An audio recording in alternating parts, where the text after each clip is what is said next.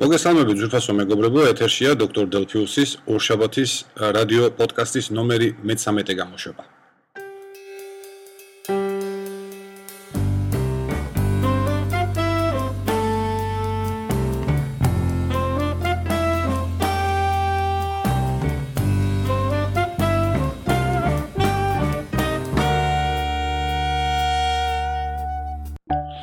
მაშა სადამე დაიწყო ახალი კვირა 15 ივლისია. ზაფხული აი ზუსტად შუა წელზეა გაჩერებული. ნახევარი გავიდა.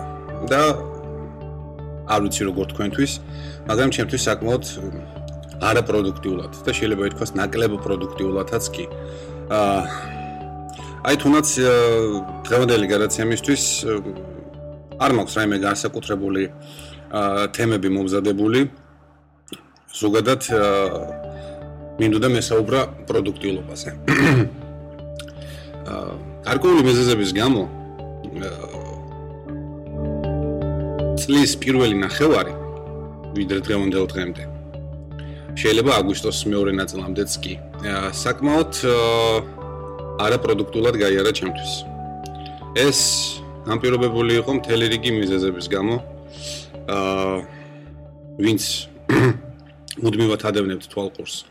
აა ჩემს გადაცემას, უბრალოდ ვინც უფრო ვინც მუდმივად უსმენთ ჩემს გადაცემას, დარწმუნებული ვარ საქმის კურსში იქნები ჩემი პირადი ცხოვრების პერიპეტიების შესახებ. აა აქედან გამომდინარე, რა თქმა უნდა მე ამას საკუთარი თავის გამართლებად არ თვლი, მაგრამ გონია რომ გარკვეულწილად ამას ამან სერიოზულად ითამაშა და იმოქმედა ჩემს ყოველდღიურ მუშაობაზე, ამ მუშაობის ხარისხზე და რაოდენობაზეც. წლის დასაწყისში მე მაშინ ჯერ კიდევ მხოლოდ ტექსტური სახით, უბრალოდ ბლოგში პოსტის ჩანაწერის სახით და ასევე Facebook-ზეც წერდი იმ მეთოდიკაზე, რომელიც მე ძალიან მომეწონა. და რომელსაც ქვია 100 დღე. მოგეხსენებათ 365 დღეა წელიწადში და არის ესეთი ერთ-ერთი ვარიანტი 3 ასდღიანი მონაკვეთის გამოყოფისა. აი ამ 365 დღეში. დარჩენილი 65 დღე დაახლოებით თანაბრად ნაწილდება 20 დღიანი 22 დღიანი ესეთი ინტერვალებით, აი ამ 100 დღიან მონაკვეთებს შორის და რა შემდგომარეობს ახლა ამის არსი. ჩვენ გამოვყოფთ წელიწადში 3 ასდრიან მონაკვეთს და თითოეულ მათგანზე გეგმავთ გარკვეული სახის სამუშაოებს. ნებისმიერს, რაც თქვენთვის ეს მნიშვნელოვანია. შეიძლება იქ ჩემთვის რაღაც ნორმალი რაღაც პროგრამული პაკეტის ლოკალიზაცია იყოს მნიშვნელოვანი, რომელიღაცა საიტის აწყობა და მისი გაშვება და ოფში ჩატენება ან რაიმე რომელიმე ჩემი საერთო მოხმარების საიტის შიქთავსით შევსება და ასე შემდეგ. ან თუნდაც საკუთარ თავზე მუშაობა და საკუთარი ჯანმრთელობის მოწესრიგება, ფიზიკური ფორმის მოწესრიგება, მენტალური მდგომარეობის მოწესრიგება და ასე შემდეგ და ასე შემდეგ. ნებისმიერი ადამიანი თვითონ ირჩევს იმ სამუშაოს, რომელიც მას მას უნდა რომ ჩაატაროს ამ 100 დღის განმავლობაში. იგეგმება 100 დღე აა გაიწერება ყველა სამუშაოები და შენ დაუკარო ერთგვარ ვიწყებთ დაწერილის შესრულებას. სიტყვებზე ძალიან მარტივად აა სიტყვებით მარტივად ძალიან ჟღერს. მაგრამ შესასრულებლად ალბათ ზოგიერთისთვის და მათ შორის ჩემთვისაც არც თუ ისე მარტივი აღმოჩნდა. აა ამ წლის პირველი 100 დღიანი მონაკვეთი შეიძლება ითქვას, რომ პრაქტიკულად ჩაიშალა. უпроსტორად პირველი თვე ვასრულებდი საკმაოდ კარგად და დაგეგმილი მიზნების მიხედვით მივდიოდი და თან ეს ძალიან מחარებდა კიდევაც და პრაქტიკულად ყველა პუნქტის მიხედვით э, ვასრულებდი э, საკუთარი თავისთვის э, დადგენილ დავალებებს. იქნებოდა ეს სამსახურში უშუალო საქმე რაც არის და ძირითადი და რა შეცხელფას მიხდიან. იქნებოდა ეს ის ჰობი, ну ყველა დაანჩენი ალბათ შეგვიძლია ჩავთვალოთ ჰობის ერთ-ერთ ნაირსახეობა თვინაიდან ლოკალიზაცია ახლა ამ შემთხვევაში ჩემთვის ჰობია თუმცა მე ამ საქმის პროფესიულად უკვე დიდი ხანია ვარ დაკავებული, უბრალოდ შეკვეთები არ იყო იმ პერიოდში, ამაზეც ახლა ვიტყვი ცოტა მოგვიანებით. აა იქნებოდა ეს ბლოგინგი, საკუთარ ბლოგში წერა, ახლა Goals ბლოგში წერა ეს უკვე პროფესია მინაიდან, მაშინ ფულს გიხდიან. მარტივია ხო? რაშიც ფულს გიხდიან, ის არის პროფესია. აა და ასე შემდეგ. ხო, ფიზიკური დატვირთვები რა თქმა უნდა, რომელსაც საკმაოდ კარგად დავიწყე, კვების რეჟიმიც მეტნაკლებად შევძელი რომ დამეცვა და წონამაც აშკარად დაიწყო კლება. ძალიან კარგი.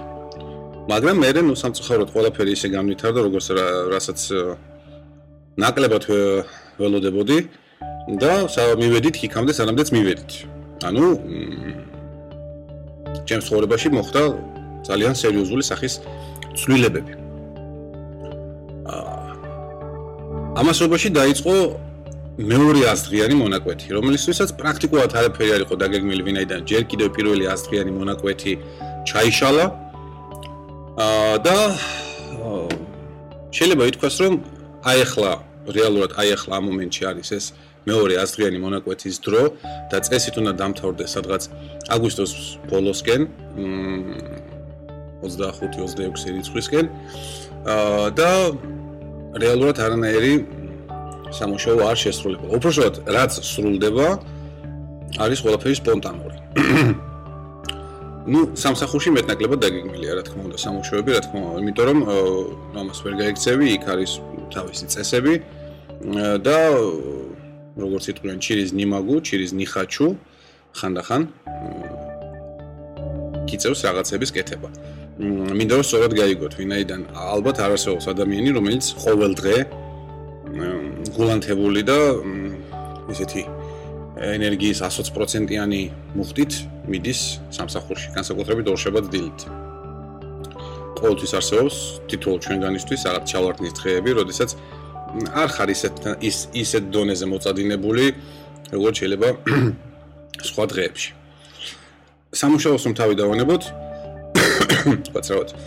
აა ყველა ის ჰობი, ყველა ის დამატებითი დატვირთვა, აა რომელიც მე ჩემ თავს დაუდგინე, რომელიც იდეაში უნდა მაინტერესებდეს, აა უცებ აორთქლდა.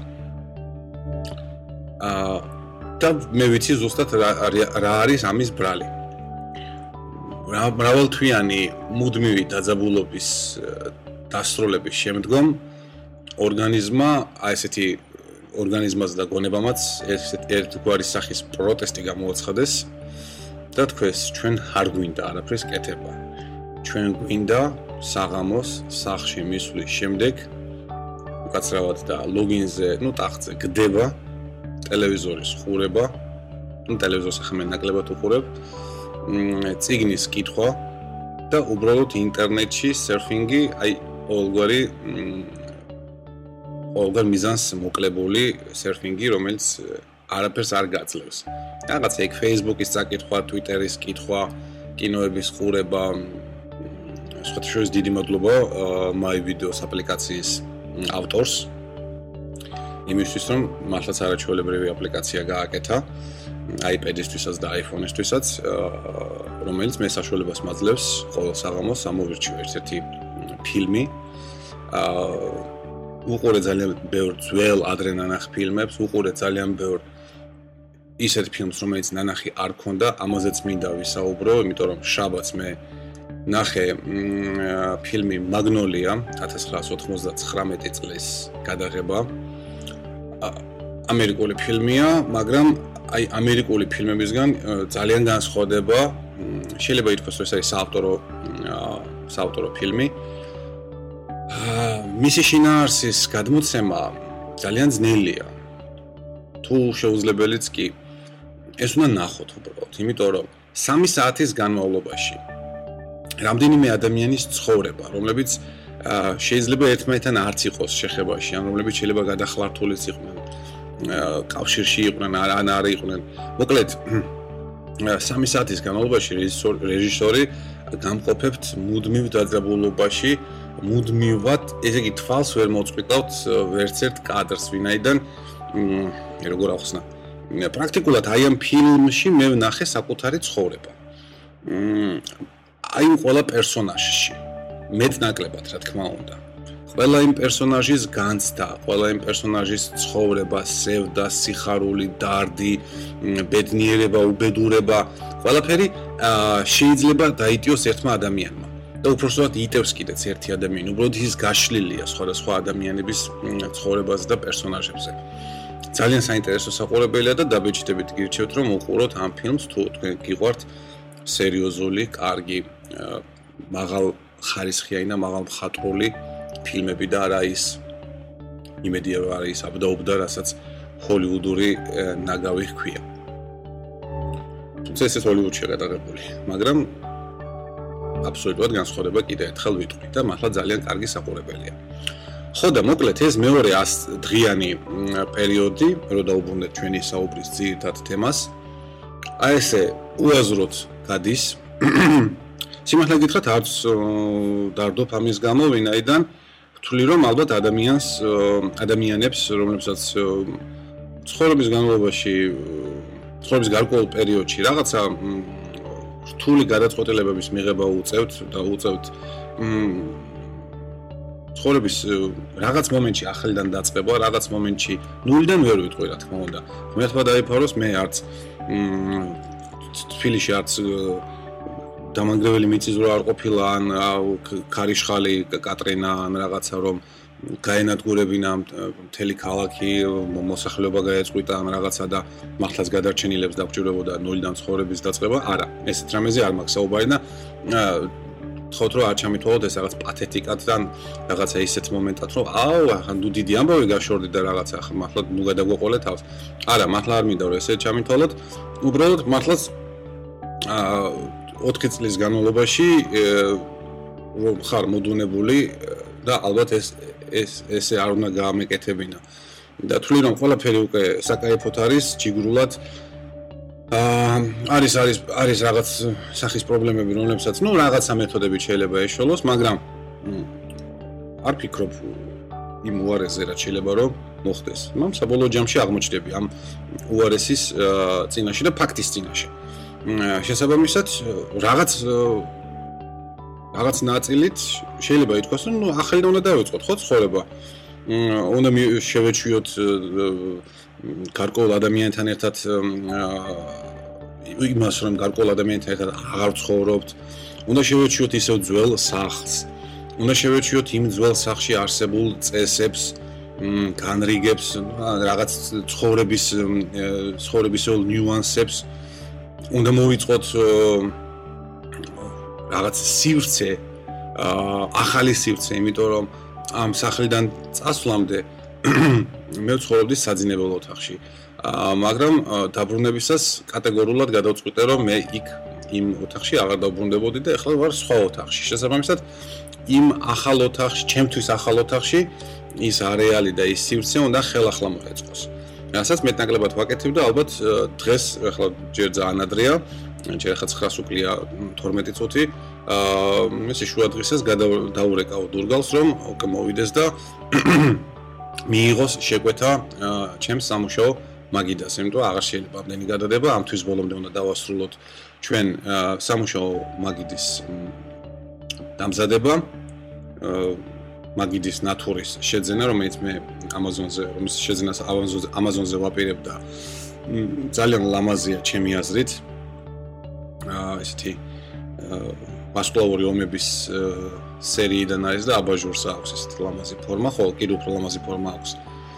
აა იმ ღეროს, რომელზეც ეს აბაჟურია დამაგრებული, ანუ light cyber-ის ეს კი ლაზერული ხმლის ფორმა აქვს და ასევე დამაგურგვინებელი იქნება ამ ჩემს სივრცეში. ხომალდის enterprise-ის, ხოლო NX01-ის, რომელზეც კაპიტანი არჩერი იყო. კაპიტანი ეს ხდება ესე იგი 2151 წელს. სუგიჟი ვარ რა აა კაიუტაში ქონდა 4 enterprise-ის სურათი. ხომალდი enterprise-ის enterprise-ი არქო ჯერ კიდე იალქნიან გემს შემდეგ სხვათა შორის რაც ძალიან საინტერესოა აა იგივე სახელი დაარქვეს ატომურ ავიამზიც ამერიკულს შემდეგ როდესაც აა ამერიკის შეერთებულმა შტატებმა შატლების პროგრამა შეიმუშავეს. შატლი ქართულად არის მაკო, ანუ კოსმოსური მაკოს პროგრამა შეიმუშავეს და ეს 4 თუ 5 ხომალდი შექმნეს. აა Star Trek-ის ფანების დაჟინებული მოთხოვნით ერთ-ერთ ხომალდს ეწოდა Enterprise.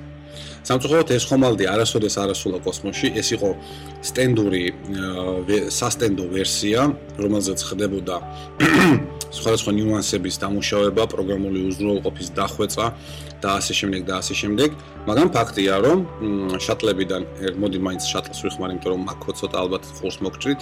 აა შატლებიდან ერთ-ერთს მაინც ერქვა Enterprise. და მეოთხე სურათზე თვითონ Enterprise NX01-ია გამოსახული პირველი ხომალდი დედამიწელების, რომლებიც რომელმაც აა warp ძრავით, ასე იგი გამრუდების ძრავით შეძლო აა უბრალოდ პირველი ეს არის ყო რა თქმა უნდა ზეხრა ზეფრამ კოკრეინმა პრაქტიკულად ბალისტიკური რაკეტით მოახდინა პირველი გაფრენა, მაგრამ უკვე ასე ვთქვათ და შეგინთ მარტო იყო თუ არ ჩავთვლით მე დროის მარყუჟის გამო მოხდნენ შეგნით TNG-ს პერსონაჟები, კაი დავანებოთ ძალიან შორს აგვიყვანს ეს საუბარი. და მოკლედ ეს იყო პირველი დედამიწელების ხომალდი, უკვე ეკიპაჟით აღჭურვილი, რამდენიმე ათეული ადამიანით აღჭურვილი, რომელიც გავიდა კოსმოსში და რომელმაც დაიწყო ასე ვთქვათ ურთიერთობა სხვა სამყაროებთან, სხვა ცივილიზაციებთან, ვულკანელების დახმარებით, რა თქმა უნდა, ვულკანელი მრჩეველი ტეპოლი, ძალიან ძალიან ძალიან სიმპათიური მრჩეველი, ხალი. დედრი იმყოფებოდა ასევე ამ ხომალდზე. მოკლედ აი ეს 4 სურათი, რომლის ესე იგი ფაილები მე მაქვს ინტერნეტში მოვიძიე. აა ამ კვირაში აუცილებლად უნდა დაუბეჭდო ისინი, რომელიმე ესეთ სპეციალურ ფოტო ლაბორატორიაში თუ როგორც ქვია და ჩარჩოებით შევიძინო და ჩემს ოთახში განვათავსო. აუცილებლად მე ამ ოთახის სურათს ბლოგში დავდებ, Facebook-ზეც დავდებ, Twitter-შიც დავდებ და რა ვიცი, მოკლედ ნახავთ რა გაომივიდა. ახლა მაგიდა რა თქმა უნდა მე მინდოდა თავის დროზე ჯერ კიდევ იმ ძველ სახში მასიური ხის განმოდა მომზადებინა და რაღაც ძალიან ესეთი ფოე-ფოე და Apple-ისთვის დამახასიათებელი რო ყოფილიყო, მაგრამ სამწუხაროდ მასიური ხისგან დამზადებული ავეჯი ძვირი ღირს მათ შორის მაგიდაც სადღაც 700-800 ლარი მინიმუმ დაждდება. საშუალოდ 1000 ლარი. რასაც მე ახლა საკუთარ თავს ვერ მივცემ უფლებას, ამიტომაც იძულებული ვარ მ ნუ თუნდაც 1-2-3 წლით ვიქონიო აი ეს ეგრეთ წოდებული MDF-ის მასალისგან გაკეთებული ჩოლებრივი ისეთი ორიდებული მაგიდა არც სკამის სკამის დადგმას არ ვაპირებ რაღაც იქ ბორბლებით და მთელი ამბები ჩოლებრივი ოთახის სკამზეც მშვენივრად დავждები. აა იმედია, მაგრამ ყველაზე მთავარი რაც რაც მე ძალიან მინდა რომ შევიძინო, ჯერჯერობით edge quest დგას. მე ძალიან მინდა 27 დიუმიანი ახალი iMac-ი, აი ეს თხელი, ოღონდ Fusion Drive-ით, ანუ ეს უკვე custom მოდელია და შესაბამისად ჩაოლებროთ ის არ ჩამოგვაქვს. საავადმყოფოდ მისი ფასი სადღაც 4000 400 ლარამდე შეიძლება გამოვიდეს. ხოლო ეს ნახა მე ჯერჯერობით არა მაქვს. და აგვისტოს ბოლომდე სექტემბრის დასაწყისამდე იმედია ნუ ყველაზე გვიან სექტემბრის ბოლომდე იმედია გაირკვევა დაფინანსების წყაროებით შესაძლებლობებით და ზოგადად ისიც რას გავაკეთებთ ჩვენ მომავალში და როგორ ვიმოქმედებთ. აი მოკლედ დღეს ჩაწერას რო ვიწყებდი ვიფიქრე რომ მეთქი რაზე უნდა ვილაპარაკო რა უნდა მასაუქნო მაგრამ თურმე საკმაოდ ბევრი დაგროვდა უკვე 18 წუთი და 50 წამი ვსაუბრობ ჩვენ ალბათ ესე 2-3 წუთში მოვამთავრებთ აა დასკვნის სახით ესეთ რამეს ვიტყვი. წლევანდელ წელს აა პირველი ასტრიანი პროგრამა. აწილობრივ იქნა შესრულებული. მეორე ასტრიანი პროგრამა თითქმის არ შესრულებულა, იმიტომ არაფერი არ დაგეგმილა და და ის რაც გაკეთდა იყო ძალიან სპონტანური, სპონტანური იყო ის მაგალითად რომ მივიღეთ მე და დევი აა შემოთავაზება უბრალოდ. მე მივიღე და მე დევი ჩავრთი ამ პროგრამაში. WordPress-ის გარკვეული ჩადგმების ეგრეთ წოდებული პლაგინების დაქართულების შესახებ. აა და პრაქტიკულად შეიძლება ითქვას რომ დასრულებულია პროექტი. დღეს და ხვალღა დაგჭა დამჭა სამუშაო 250 სტრიქონი დარჩა ხო ყველაზე სუქანი სტრიქონები და იმედია რომ სულ მალე დაპირებულ თანხასაც მივიღებთ რაც რა თქმა უნდა ძალიან מחარებს აი ამ პროექტის გარდა რეალურად დიდი არაფერი არ გამიკეთებია მთელი ზაფხულის განმავლობაში აა სექტემბრიდან მე დავიწყებ მესამე აზრიან პროგრამას. ანუ აგვისტოში თუ კიდე ერთხელ ვიძახი, არაფერი არ შეიცვალა. 12-დან 18 აგვისტომდე მე ვაპირებ შობლების აღებას, არ დადეგებს გასვლას.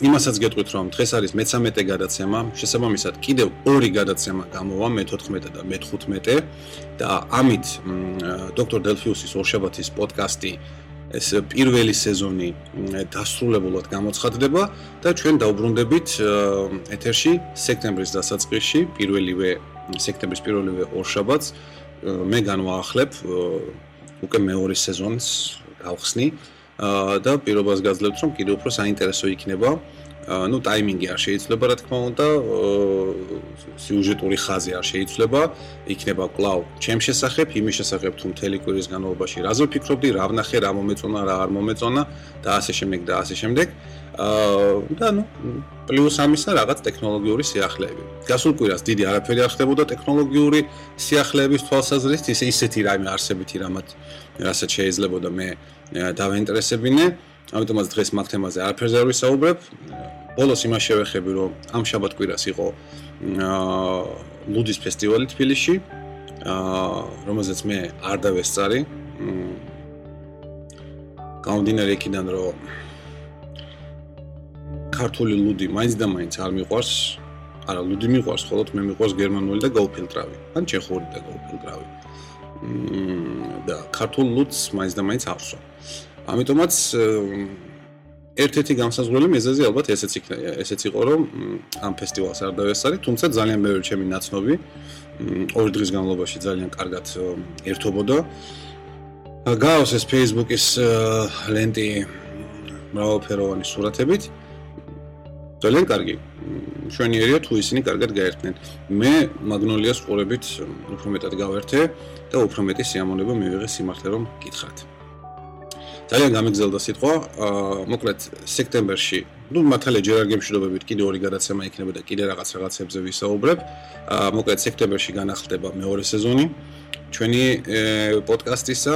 სექტემბერში დაიწყება ამ წლის მესამე აზრიანი პროგრამა და აი მე შემდეგ ორ გადაცემაში მე-14 და მე-15 გადაცემაში მაქსიმალურად შევეცდები გავშალო ის თემები თუ აა თუ რაზეც ვიმუშავებ მე ამ 100 დღის განმავლობაში და ეს იქნება ალბათ წლის ყველაზე დატვირთული და ყველაზე ესეთი აა მოვლენებით ახსავსე პერიოდი, ვინაიდან ძალიან ბევრი სამუშაო დაგროვდა, გასაკეთებელი, ძალიან ბევრი საქმეა და შესაბამისად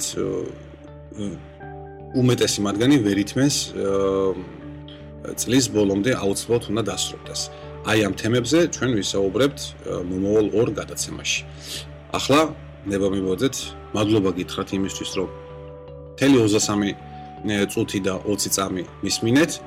აა წარმატებულ კვირას გისურვებთ, ორშაბათი მძიმე დღეა და კარგად გადაიტანეთ ეს ორშაბათი დღე და მთელი კვირაც.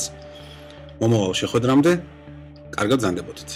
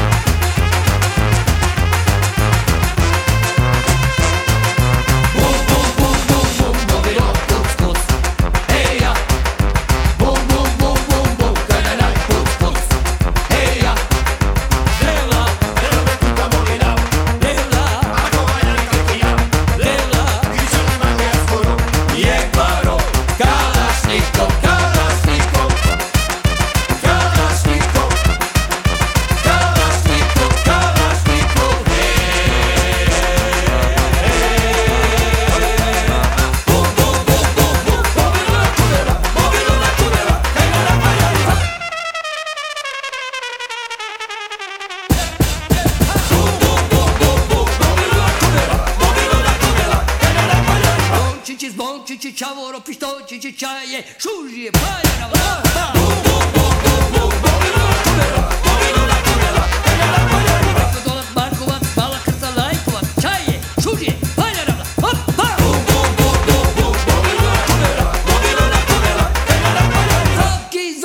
Čavoro, bobolice, čaje, šužije, paljara, opa! Bum, bum, bum.